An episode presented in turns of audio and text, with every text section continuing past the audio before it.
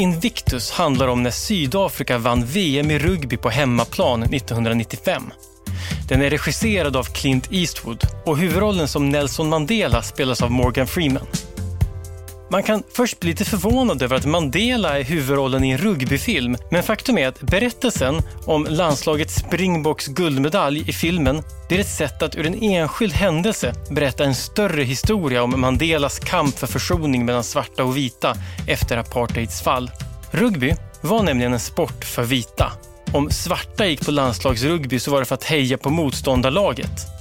Men när Mandela blev president så började han aktivt stötta rugbyspelarna som ett sätt att visa att det nya Sydafrika bestod av både svarta och vita och att de kunde förenas i stoltheten över ett gemensamt landslag. Det här var inte helt populärt och riktigt så idylliskt som det framställs i filmen där vita och svarta kramas och gråter tillsammans när VM-finalen är slut var det förstås inte. Men det var ändå ett stort steg på vägen mot den enhet som Mandela stod för. Du lyssnar på Idéer som förändrar världen. En podd från Nobelprismuseet med mig, Gustav Källstrand. Och idag handlar det om Sydafrika. Hur mår Mandelas dröm om försoning idag? Och med oss för att prata om det är Anna-Charlotta Johansson som är författare till boken Sydafrika på andra sidan regnbågen. Välkommen! Tack så mycket! Får jag börja med att fråga, du skriver lite om den här rugbymatchen. Är det liksom någonting man minns i Sydafrika fortfarande? Jo, men det är ju det. Rugby är ju liksom nationalsporten i, i Sydafrika på det sättet. Och numera så är ju Springboks eh, väldigt blandat eh, lag. Och just den här historien kom upp nu för ett par år sedan när de återigen vann rugby-VM. Mm. Och lagkaptenen idag heter Sia Kolisi eh, och är en eh, svart man, jätteduktig rugbyspelare. Han är dessutom gift med en vit kvinna, sydafrikan. Så du kan tänka att det här är liksom lite så idealbilden av det nya Sydafrika om man får säga så. Och han höll ett fantastiskt tal efter de hade vunnit. Lite som att landet igen behöver den där knuffen att vi kan faktiskt liksom leva tillsammans och vi kan ta hem det här. Just det, och det där är ju, det, det är väl lite det som temat du kommer att prata om idag. Att 95 var det ett, ett, en sorts försoning och idag kanske det behövs en knuff igen. Precis. Anna-Charlotta Johansson är författare, föreläsare och kommunikationsrådgivare. Hon har varit pressekreterare och politiskt sakkunnig till Anders Borg och Carl Bildt och dessutom presschef åt Moderaterna. Hon är aktiv på Svenska Dagbladets ledarsida där hon skriver om internationella frågor. Och med bas i både Sydafrika och Sverige driver hon idag ett konsultföretag. Jag kom till Sydafrika för första gången 2004 som utbytesstudent till University of Cape Town och gjorde båda mina magisteruppsatser där nere på temat försoning. Jag pluggade vid Uppsala universitet och eh, då, eh, ja, då föll sig University of Cape Town som ett, som ett bra val. Eh, och blev faktiskt förälskad i Kapstaden. Det blir många när de reser dit. Det är en fantastiskt vacker stad och som är ganska europeisk touch, får man ändå säga. Sen återvände jag till Sverige och bodde här många år. Men den där kärleken till Kapstaden och, och Sydafrika ska säga, fanns liksom kvar i bakhuvudet. Och när jag startade eget för några år sedan så, så var det som att jag hade något uppdämt behov av mer frihet. Så jag tänkte, men jag kan väl resa ner lite, jag kan resa lite fram och tillbaka. Så då började jag göra det och ganska fort så insåg jag att jag vill nog bo mer i Sydafrika, jag började skriva mer. Och det är det där mötet med människor, vi kommer säkert komma in på det, mångfalden i Sydafrika. Mm. Den är så spännande och det gör sig så bra för att skriva om tycker jag. Mm. Eh, hur är det språkmässigt? Jag tror att du skriver att det talas elva språk i Sydafrika. Har du liksom lärt dig fler språk än, eller räcker det med engelska där ja, fortfarande? Det, det räcker med engelska, men det är elva officiella språk, så det är faktiskt många fler språk. Alltså, ja, men, men ändå så, jag skulle säga att det oftast så är det engelskan, afrikans, eh, zulu och eh, som är de största språken som talas. Sen finns det ju många andra eh, språk också som sagt.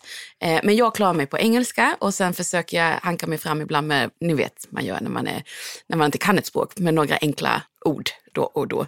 Just det. Men jag tänker om det finns så många språk och så många grupper, mm. att, att det finns en öppenhet för att kanske att folk pratar olika språk helt enkelt? Absolut. Och det är oftast när man är på, nej men säg restaurangbesök med vänner som tillhör liksom olika grupper, så kan det liksom växelvis kan språket förändras. Men, men oftast är det ändå engelska. De flesta kan, även om engelska är kanske andra eller tredje språk för människor, så är det ändå många, skulle jag säga, som kan engelska. Och där att det finns så många språk det mm. går väl tillbaks på historien att det, är liksom, det här landet har liksom inte en ursprungshistoria. Nej.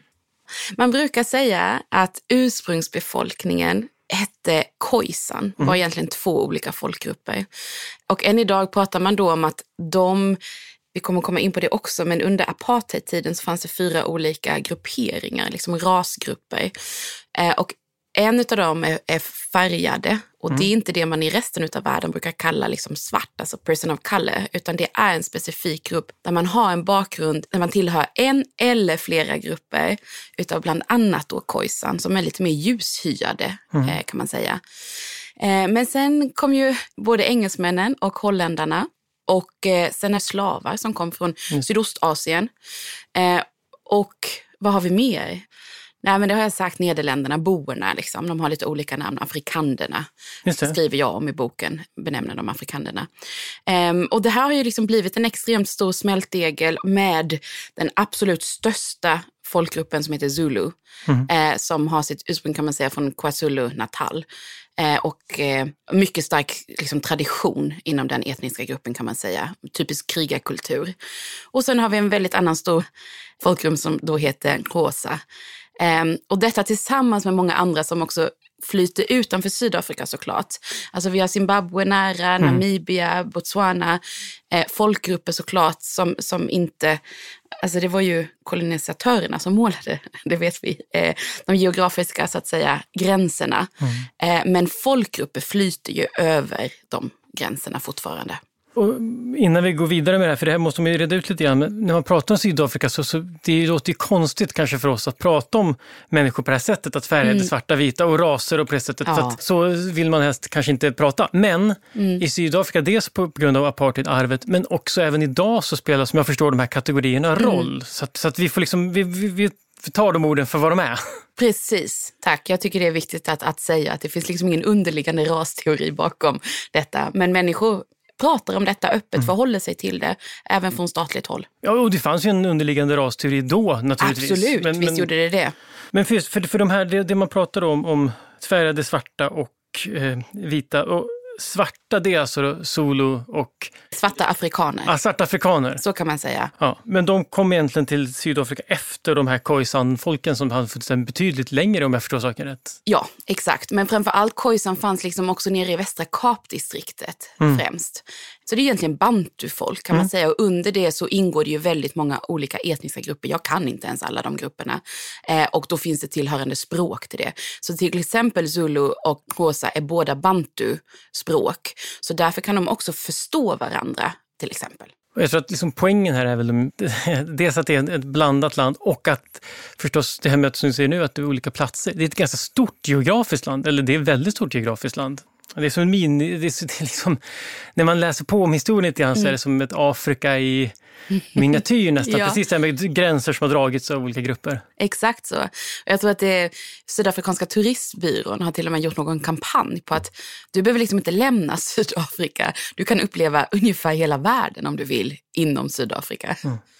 Det där tänker jag är intressant att för det tycker jag genomsyrar hela din bok, den här bilden av Sydafrika som ett land. Lite grann med, med all, för det där låter väldigt positivt, att det finns så mycket möjligheter i det, men också ganska mycket problem. Mm.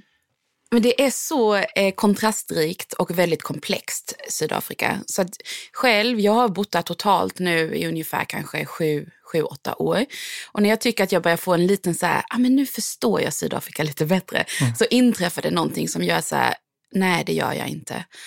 Dels så, så, måste man, tycker jag, för att förstå Sydafrika också resa runt väldigt mycket. Och jag skulle vilja resa runt enormt mycket. Med de senaste två åren har ju dessvärre gjort att man inte har kunnat resa så mycket. Men det finns en sådan fantastisk potential med Sydafrika. Mångfalden berikar på så många sätt. Och att de efter apartheid liksom gick på något sätt över och bestämde sig för att leva liksom sida vid sida, genomgå försonings och san, sannings och försoningskommissionen etc. talar ju för, liksom, och, och det visar studier idag, människor vill leva sida vid sida men tycker att det behövs mer försoning, att det finns allt för stora ekonomiska ojämlikheter kvar etc. Så all den här, liksom det optimistiska i Sydafrika, entreprenörskap, en känsla av att det kan bli hur svårt som helst men vi kommer ändå ta oss vidare tillsammans, den genomsyrar ändå fortfarande landet skulle jag säga. Ja, just det. Det är intressant, den här försoningen, för du nämnde också att det var det som liksom lockade dig mm. till, med, med uppsatserna som du skrev. Mm. Första, ditt första liksom möte med Sydafrika. Hur, hur blev du intresserad av det? Ja, jag har alltid varit intresserad av så här, mångfald och olika kulturer. Och Sydafrika då, från ett, man hade ett sånt fruktansvärt system som apartheid var, så tyckte jag att det var så stort av människor, tycker jag, att kunna leva under sådana lagar och inte ha samma rättigheter och inte kunna få utbildning etc. bara för att man är liksom svart helt enkelt, eller färgad eller indier. Alltså man hade inte samma rättigheter som vita. Och ändå sen bestämma sig för att men vi kan gå vidare härifrån. Många är fortfarande förvånade över att det aldrig blev liksom ett inbördeskrig i Sydafrika. Eh, och det tycker jag är stort. Det finns liksom ett djup i det, i försoningstanken som alltid pockar på min uppmärksamhet i alla fall. Och när man pratar med människor om det, beroende på då vem man pratar med, vilken grupp de tillhör, så tycker jag alltid att jag får liksom ett nytt svar på något sätt. Vad försoning är, tycker de att det behövs mer eller mindre, etc. Så det är ett väldigt brett och djupt ämne. En av de viktigaste händelserna i historien om kampen mot apartheid är den så kallade Sharpeville-massakern där vita poliser sköt ihjäl 69 svarta personer vid en demonstration. 19 av dem barn. Många ville hämnas efter det här och slå tillbaks med våld men ANC-ledaren Albert Luthuli uppmanade till fortsatt icke-våld och för det fick han Nobels fredspris 1960. En som inte lyssnade på Luthuli utan började utföra olika väpnade aktioner var Nelson Mandela. Målet för den väpnade kampen var materiell förstörelse, alltså sabotage, och man undvek att skada människor. Men det var ändå för det här som Mandela dömdes till livstidsfängelse 1963. Under sin tid i fängelset kom Mandela att omfamna icke-våld och försoning, kanske mer än någon annan. Det här gjorde det möjligt för den sydafrikanske presidenten F.W. de Klerk att börja förhandla med Mandela. Och 1993 delade Mandela och de Klerk på Nobels fredspris. Kommittén lyfte fram att de hade arbetat tillsammans för att hitta en fredlig väg bort från apartheid. Samtidigt så kan priset till de Klerk ses som kontroversiellt. Varför ska man belöna någon som avskaffar ett orättfärdigt system som de själva är en del av? Mandela verkligen förkroppsligade ju det här att, mm. att han kom ut ur fängelset just och, och, mm. och, att det var på ett sätt då väldigt konstruktivt men också att de vita då, eh, de Klerk som styr, att det också var ett mm. sätt att, om man kan uttrycka sig så, men att, att de han blev ju användbar för dem Exakt. i och med att han stod för försoningen. För att annars hade de inte vågat. För man såg på, du nämnde Zimbabwe, eh, där, där man hade just eh, liknande process där man eh, tog bort kolonialväldet. Alltså det var väl fruktansvärda mord på då vita personer. Så att det hade man inte vågat. Men Mandela liksom, men, han var inte, men för den skulle var han inte en nyttig idiot. Han var inte mjäkig Mandela Nej, verkligen inte. Eh, det är en ganska intressant samtida debatt i Sydafrika att en, en del unga idag liksom riktar ändå lite kritik skulle jag säga mot Nelson Mandela över att han var lite för mjuk. Mm. Och visst, det kan man ju förstå i ett större sammanhang idag att 27 år efter apartheid avskaffades så lever fortfarande en väldigt stor majoritet i fattigdom, bor i skjul och inte har ett jobb att gå till. Att man hade förväntat sig mer och på något sätt tror att det hade med det att göra. Men kan man tänka sig att han behövdes just då, behövs det kanske en Lever försoningstanken kvar idag bara på liksom Mandelas meriter eller finns det liksom, får det här en nytändning hela tiden? Finns det andra personer som står för det här idag? Alltså Desmond Tutu lever ju fortfarande. Han är ju en sån ikon skulle jag säga. Eh, och han pratar ju fortfarande om detta. Nej, men det är, finns en väldigt stor eh, eh försonings, ska jag säga, tanken om försoning finns fortfarande kvar i Sydafrika. Eh, och det finns en, en väldigt spännande studie som görs av Institute for Justice and Reconciliation som heter Reconciliation Barometer. Och jag tror den kommer ut för ett annat år. Den visar ganska i detalj faktiskt hur sydafrikaner ser på försoning. Um, men hur de också definierar det väldigt olika. Många tycker att ja, om, om jag skulle få en bättre utbildning till mina barn så skulle det vara lättare att försona. Så det blir nästan lite som att om bara välfärdssamhället kan fungera så skulle det vara lättare att också liksom komma till riktig försoning som många eh, likställer med förlåtelse. Kampen mot apartheid fördes inte bara inom politiska organisationer som ANC, utan också kyrkor var inblandade. En viktig aktör var den ekumeniska organisationen SACC, South African Council of Churches, som samlade olika församlingar, både svarta och vita, som stöttade befrielsekampen.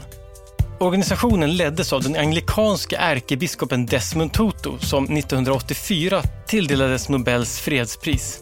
Det var i ett läge där apartheid fortfarande gällde, men SACC och Tutu arbetade för att kampen mot apartheid skulle vara fredlig. Man hoppades också att priset skulle skydda organisationen, en av få som inte var förbjudna av regimen. Sådana här förhoppningar har ofta kommit på skam i fredsprisets historia, men med Tutus pris var det lyckosamt. Efter priset stärktes hans ställning och han var en starkt bidragande orsak till att kampen fortsatte att föras fredligt. Efter apartheids avskaffande ledde Tutu den försoningskommission som skulle hjälpa landet att göra upp med sin historia. Ett arbete som har kritiserats för att det fick representanter för den vita regimen att erkänna brott, men som samtidigt inte utdömde några straff. Ja, hur ser det ut?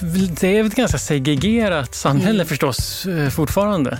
Om man tänker liksom på Ja, vi kan ta utbildning, liksom, eller bra ställe att börja. Jag, jag, tycker nog geografi och den liksom mm. rumsliga ojämlikheten ja. är ett typexempel på hur segregering eh, fortfarande eh, finns i Sydafrika. För det är ju så, precis som i Sverige oftast i alla fall, att man går i skola där man bor. Och det betyder att eftersom man oftast bor i områden som tillhör liksom man, samma rasgrupp som man själv tillhör, mm. det fortfarande är så, så går man oftast i skolor som inte är så blandade. Och då, eftersom det finns en stor utbredd fattigdom kvar, eh, som främst är inom den svarta och till viss del färgade gruppen, så är det liksom de allra fattigaste skolorna är oftast byskolor eller liksom skolor i kåkstäder och där går ofta svarta barn. Så den ojämlikheten är, är väldigt påtaglig, skulle jag säga, när det kommer till utbildningssystemet. Trots att man lägger väldigt mycket pengar på utbildningssystemet i Sydafrika.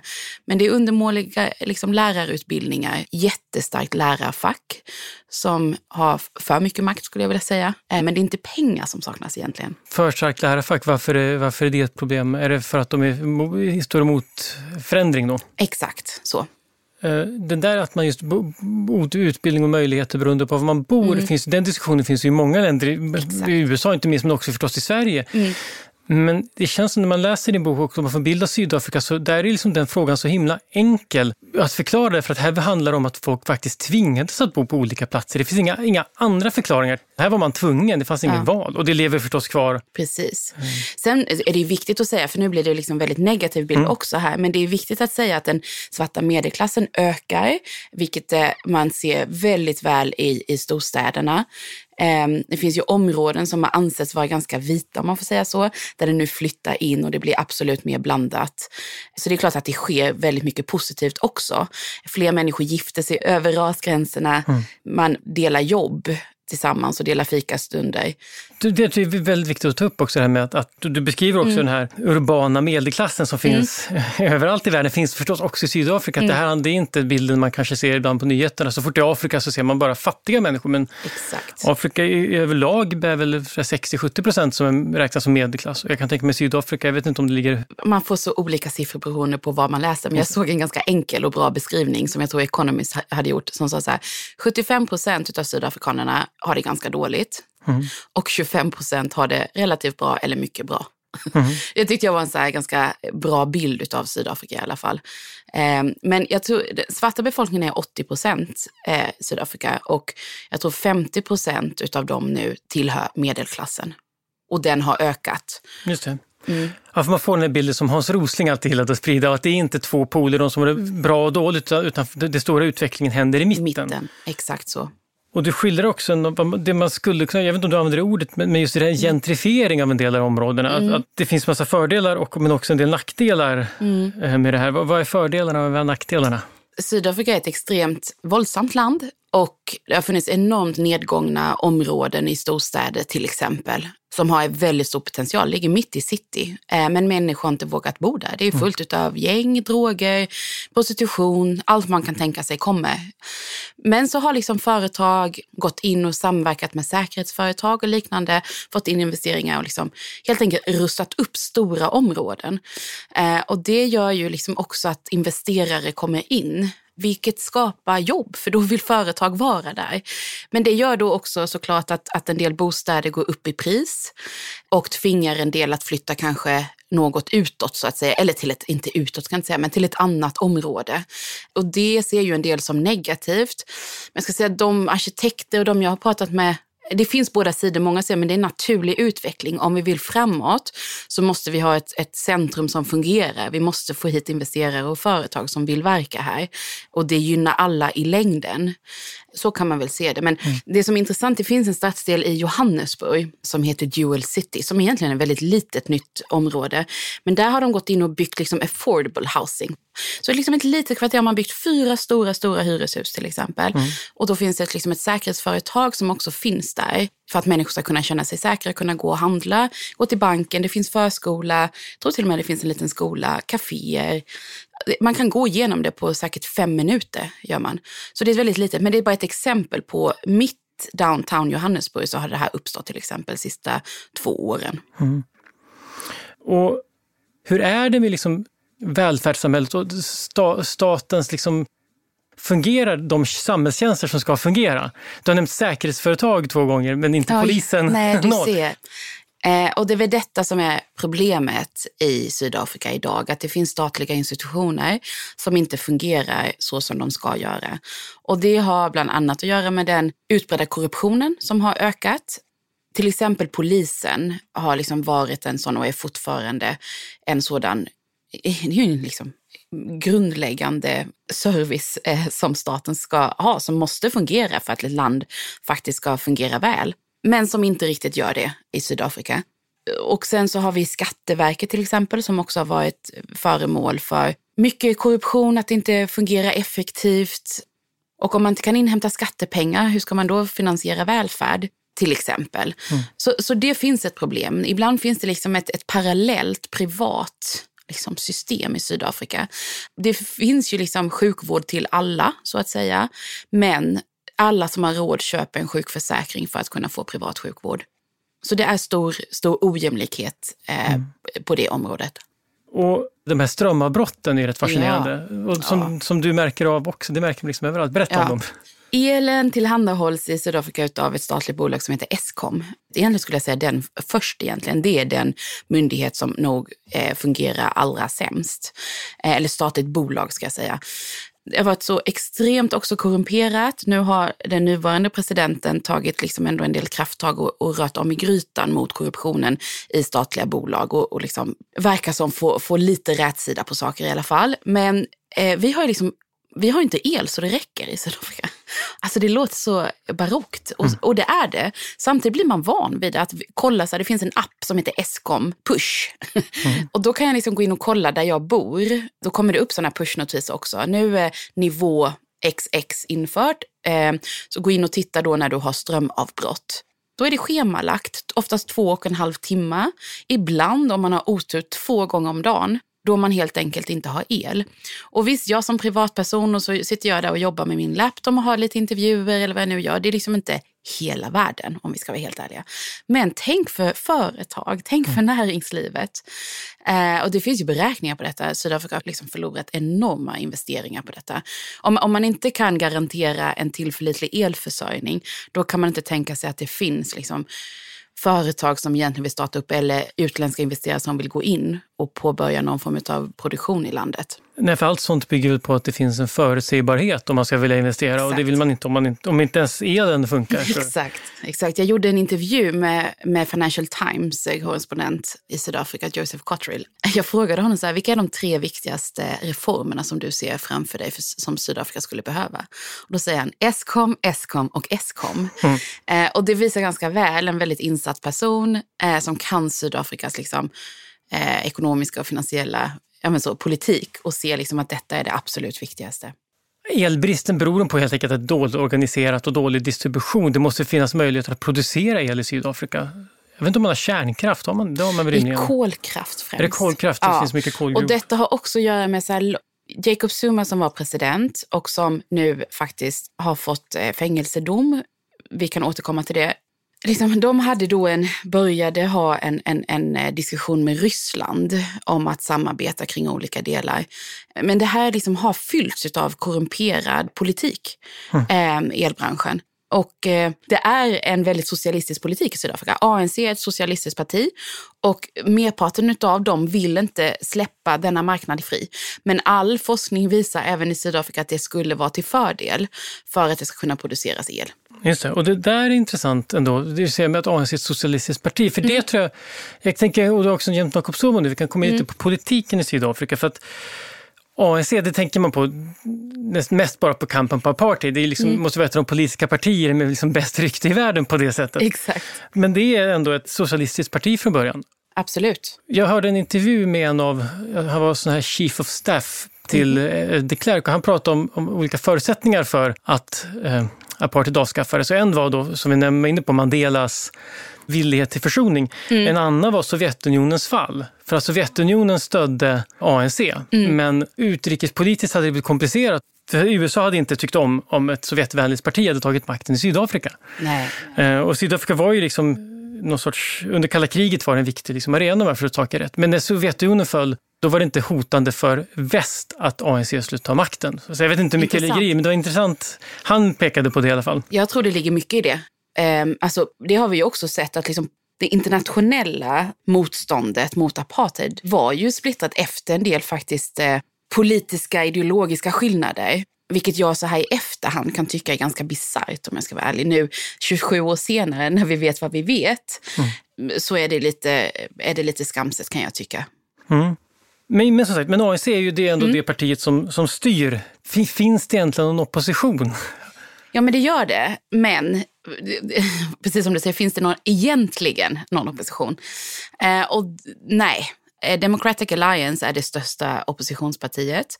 De är mer liberala eh, när det kommer till ekonomisk och politisk policy, eh, så att säga. Eh, men de ses som ett vitt parti utav många. Och det här tycker jag är väldigt intressant. Det är inte så att de springer från liksom apartheidtiden eller är sprunget ur den. Tvärtom, de är sprunget ur motståndsrörelsen till apartheid. Eh, det fanns ju väldigt många vita som var emot apartheid också, ska vi säga. Det går ju liksom inte att generalisera på det sättet. Men de har haft en del eh, genom åren då vita ledare. eh, och de har haft enormt partipolitiska så här, interna berg och dalbanor, eh, vilket har skadat dem i media också. Dessutom har de en del ledare som dessvärre har gjort liksom, dåliga uttalanden, bizarra uttalanden som att Sydafrika idag är värre än under apartheid till exempel. Um, så den stämpeln finns kvar liksom, på dem. att De hade en ledare som hette Maimane som dessvärre fick avgå här, säger jag dessvärre. Men visst, han levererade inte så bra i ett val. Men jag tror det är superviktigt liksom, från en strategisk liksom, utgångspunkt att om det finns såna många olika grupperingar i Sydafrika och det har funnits en liksom legaliserat apartheid under liksom nästan 50 år och dessförinnan kolonialism. Tyvärr så är färg, hudfärg jätteviktigt i Sydafrika. Mm. Så från en strategisk eh, utgångspunkt så är det inte många som skulle vilja rösta fram en vit president. Så är det. Samtidigt, det är klart att det är väl otvivelaktigt så eh, att problemen i Sydafrika, otroligt mycket av det, eller i allt väsentligt kanske till och med kommer från apartheid. Och, och sen finns det förstås andra problem som många länder i Afrika har, mm. men, men, också det faktum att då var det under apartheid så var det, hette det Freedom Party väl, som styrde, alltså ett parti som styrde i Sydafrika i princip från är det inte 48 till då 94 Exakt. och sen ja. ANC nu i ja. snart 30 år. Ja. Det här att det är ett parti som styr i taget, mm. alltså en demokrati Oavsett om man tycker om höger eller vänster så, ja. så en demokrati behöver ju Absolut. starka oppositioner och det verkar inte riktigt finnas. Nej. DA är ju nu ett ganska blandat parti får man säga. Eh, och det har väl, vi får vi se här nu vad som händer framöver. ANC förlorar ju faktiskt röster. Mm. Jag tror de förlorade nästan 5 procentenheter mellan 2014 och sen 2019 som var det senaste nationella valet. Och det har också att göra med att nästan hälften av dagens sydafrikaner är födda efter att apartheid upphörde. Det är en oerhört ung nation på det sättet. Och kritiken mot ANC-regeringen är oftast störst i den gruppen och lojaliteten minst. Mm. Och det faller sig ganska naturligt. Om man är uppvuxen under apartheid och såg ANC liksom leda landet eller liksom gruppen mot eh, frihet och man såg Nelson Mandela bli den första svarta presidenten i landet så tror jag att lojaliteten är väldigt... ANC kan göra lite vad de vill men man skulle fortfarande rösta på ANC. Mm. Men dagens unga har ju liksom inte sett det, även om de kan höra historier så minskar lojaliteten när ANC inte levererar. Nej, och som jag förstår så, så alla som har varit presidenter eh, har väl haft en roll i just kampen mot apartheid. Så det, men, men det kommer också försvinna snart. Men apropå du sa att det, de här, de Democratic Alliance har mm. skadats mm. av ledare som gjort bisarra uttalanden. Men, men då har ju ändå ANC haft Jacob Zuma som har väl haft... Oh, ja. Då bisarra uttalanden är väl bara början på hans alla problem med honom. Som, som, alltså, han har avgått i fall, men sitter han i fängelse? Han har blivit åtalad i alla fall. Ja, han är korruptionsåtalad och dessutom då så har man en kommission som heter Zondo-kommissionen som ska utreda liksom, eh, det här begreppet state capture som mm. vi kanske kan återkomma till. Och då var han kallad nu så han har olika korruptionsåtal emot sig, men han var kallad till den här kommissionen för att förhöras och dök inte upp. Och då, mig, då faktiskt såg de till att polisen åkte ut till hans palats Nakandla och liksom helt enkelt transporterade ut honom därifrån och satte honom i fängelse. 15 månader fick han för domstolstrots, tror jag det heter. Men nu har såklart, han är redan ute. Eh, detta är då ett par, tre månader sedan nu. Han är redan ute och det skylls då på medicinska skäl. Eh, och då har de nu sagt att ja, men vi skulle vilja att en, en eh, objektiv läkare liksom undersöker honom. Men då vill han inte gå med på det heller. Ni förstår, det här har liksom hållit på i så, så, så många år. Han avgick eh, 2018 och då var det ungefär som att ja, samma dag som han avgick, så de som har varit från näringslivet djupt involverade i korruptionen, en familj som heter Gupta, alla de tre bröderna som är kända liksom för korruptionen i Sydafrika, mm. de drog utomlands den dagen. Korruptionen i Sydafrika har nått sådana nivåer att bedömare talar om det i termer av state capture. Ett begrepp som innebär att själva staten har tagits över av de personer som mutat sig till inflytande. Särskilt har bröderna Gupta, en affärsdynasti inom datorer, media och gruvindustrin pekats ut som drivande. Särskilt genom sina nära band till presidenten Jacob Zuma som idag har tvingats att avgå på grund av just den här korruptionen. Så vi får ju se, men nu är det ju fler korruptionsåtal mot Jacob Zuma. Men, men han har också gjort många bisarra uttalanden genom åren och dessvärre så var det mycket utav det positiva i Sydafrika hände dessvärre. Liksom, utvecklingen i Sydafrika gick framåt, men innan Jacob Zuma tillträdde. De nio år som han satt som president så, så vände dessvärre utvecklingen på många punkter. Mm. Jag är väl bland annat känd för en del märkliga uttalanden om HIV. Ja. Eh, att han ja. kunde inte få HIV för han duschade efter att han hade haft sex. Och då Exakt så. Och det där, för HIV är väl förstås ett stort problem i Sydafrika mm. och också ett som hänger ihop med som vi var inne på, återigen med, med välfärd. Och för HIV mm. är ju ett, en fungerande välfärdsstat är HIV inte, det är ju ett, så att säga, ett problem, men, men HIV är inte en dödlig sjukdom och det går att kontrollera den epidemin. Men i Sydafrika så är det väl värre och det blir väldigt allvarligt då förstås att förringa de problemen. Exakt så. Och det är ju liksom, det är ett problem i hela Afrika. Mm. Eh, men man, apropå sjukdomar, så, så eh, hur har covid-19 drabbat Sydafrika?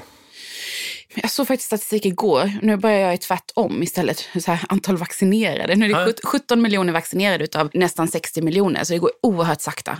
Alltså problemet är väl också att man kan inte riktigt lita på statistiken i Sydafrika.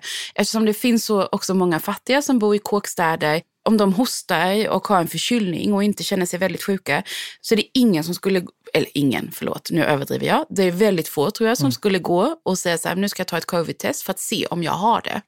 Så det finns ett stort mörkertal. Men, men däremot så Ramaphosa liksom tog ju i med hårdhandskarna där i början och stängde ner hela Sydafrika.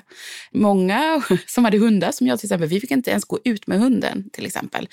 Eh, samtidigt så blir det svårt i ett land som Sydafrika där människor bor, då liksom, de kanske bor i en väldigt liten enrumslägenhet eller liksom ett litet skjul eller liknande med så många människor. Att tro att människor ska sitta inne på det sättet och liksom ladda upp med mat när de inte har pengar för att köpa den maten. Utan det har varit svårt att efterfölja de liksom lagar också som, som de instiftade, att människor inte skulle röra sig. eh, i Sydafrika.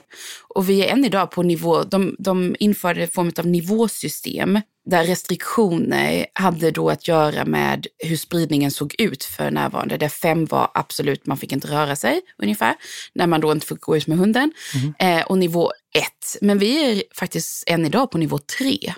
Mm. Nu får man ju då resa ut och in ur landet i alla fall. Ja, annars hade du inte varit här. Nej, precis. Jag tänker på, det fanns ju många som sa när, när de nedstängningarna kom, inte minst i Storbritannien, vet jag att det var mm. en del kritiker som sa att, att det, det, var aldrig en lockdown, det var bara rika människor som skyddade sig medan fattiga människor körde hem mat till dem. Och det ligger säkert någonting i många länder. Men i Sydafrika framstår det som extra tydligt att det går att skydda dem som som sagt kan bo eh, något sånt tryggt och kan få mat hemleverad. Men bor man i de här fattiga kåkstäderna så hjälper inte en sån nedstängning Nej. förstås. Eller... Det var faktiskt dock inte ens tillåtet att köra hem mat under okay. den första tiden. Utan man fick gå och handla. Liksom. Sen mm. öppnades det upp och då kunde man för att försöka rädda liksom, det lilla så här, restaurangbranschen man kunde, att man fick då beställa hemkörning, man fick gå och hämta upp. Liksom. Men visst har du rätt i det. Det var ju väldigt få fattiga människor som har ekonomi, liksom, har pengar i plånboken att kunna gå och handla mat för två veckor framöver. Mm. Det tar man ju liksom från dag till dag. Man, man gör en liten inkomst i, den, i vad man nu har för något skoputsarjobb eller man driver en liten kiosk liksom, i kåkstaden eller ja, du förstår, städar hemma hos någon. Mm. Eh, och sen går man och handlar mat när man får liksom, dagslönen.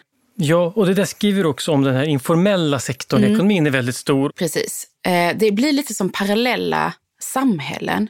Eh, alltså arbetslösheten är skyhög i Sydafrika.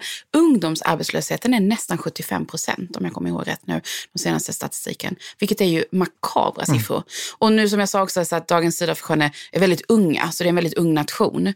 Eh, men första kvartalet så var arbetslösheten drygt 32 procent. Eh, och då ska vi komma ihåg att de som räknas in i den statistiken är dels deltidsarbetande, men dels så är det en väldigt stor grupp som inte ens räknas med som arbetssökande, för de har gett upp liksom, att vara del av den formella ekonomin.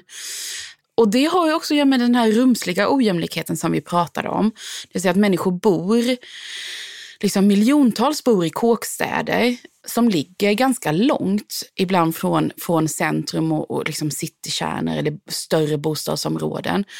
Och det var ju så här apartheid skapades också. Man ville att människor då som var svarta skulle bo långt ifrån. Mm. För att de liksom inte skulle störa så som det var planerat att allting skulle vara. Utan de skulle användas som arbetskraft ibland.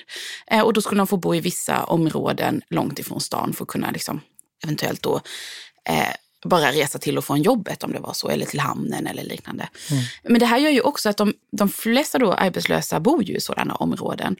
Och om det då kostar väldigt mycket att åka sån här taxibuss liksom in för att börja söka jobb, men man har ju inte ens pengar till det, då är det liksom lättare att skapa, någon, liksom hustle sig fram, mm. hassla sig fram eh, för att hitta mat för dagen helt enkelt. De största symbolerna för fred, försoning och frihet med hjälp av icke-våld är nog Nelson Mandela, Martin Luther King och Mahatma Gandhi. Och både King och Mandela inspirerades av Gandhi och faktum är att Gandhis karriär som rebell mot det brittiska imperiet började i Sydafrika.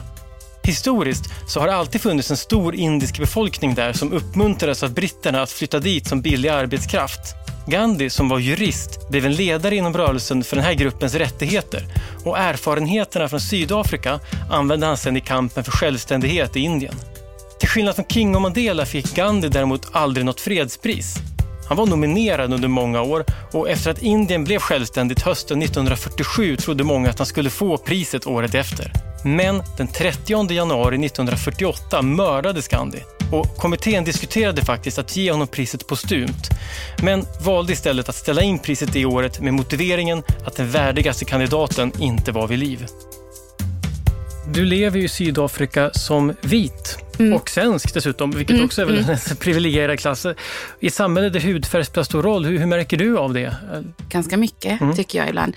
Fast vet du, att vara svensk är en fördel. Okay. Det här kommer att låta mycket märkligt nu, men att vara vit sydafrikan tror jag ibland kan vara svårare, om jag skulle vara det. Jag märker att jag får en extrem, liksom, jag vet inte, människor är väldigt öppna eh, mot mig när de får reda på att jag är svensk.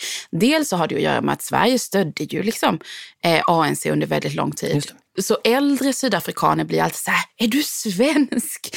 Eh, och tycker det är eh, häftigt och bra. Ehm, eh, men senast bara för, det finns ju sådana fortfarande liksom tendenser till rasmotsättningar. Och bara för några veckor sedan var jag på en, en fest och det var några svarta kompisar till mig som hade en fest och det var ju liksom, jag är vit och jag var där. Det var ganska blandat ändå den festen, men då var det en kvinna där som, som på något sätt, liksom, jag bara kände att det här var lite svårt för henne att jag var där. Fast vi hade trevliga samtal, men ni vet att det finns en liten så skepticism. Mm.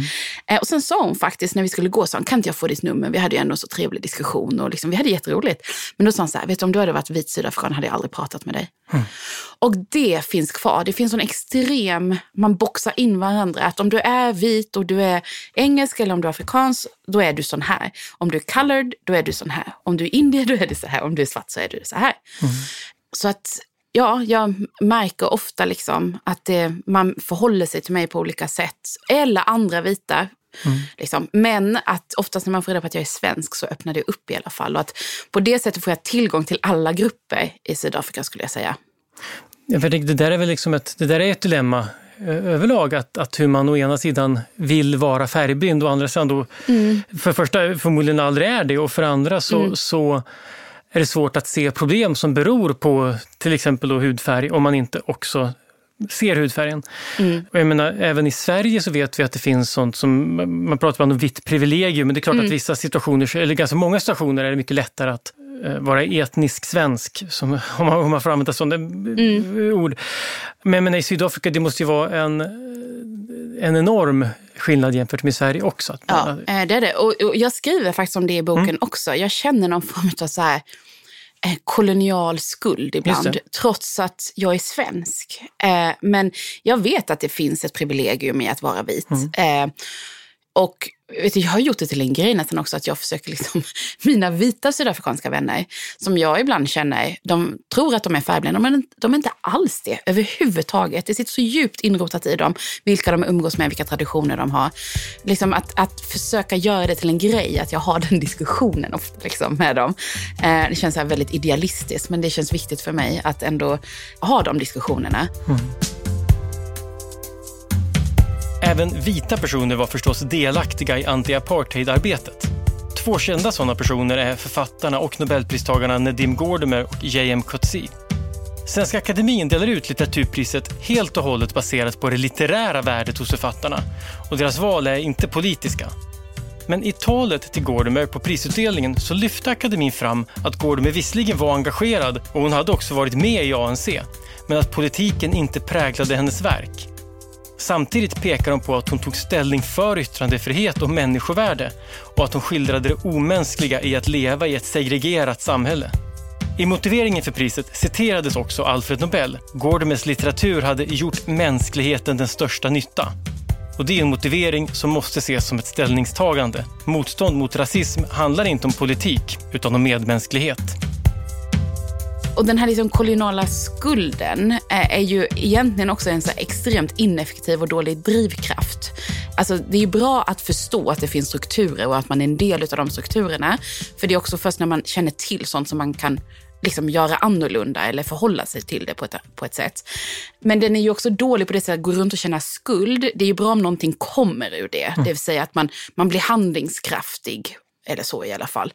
Eh, det känner liksom ingenting till att bara gå runt och känna sig dålig för att man är vit. Liksom. Nej, nej, problemet är väl möjligen att, att folk har känt, inte minst i Sydafrika, känt tvärtom.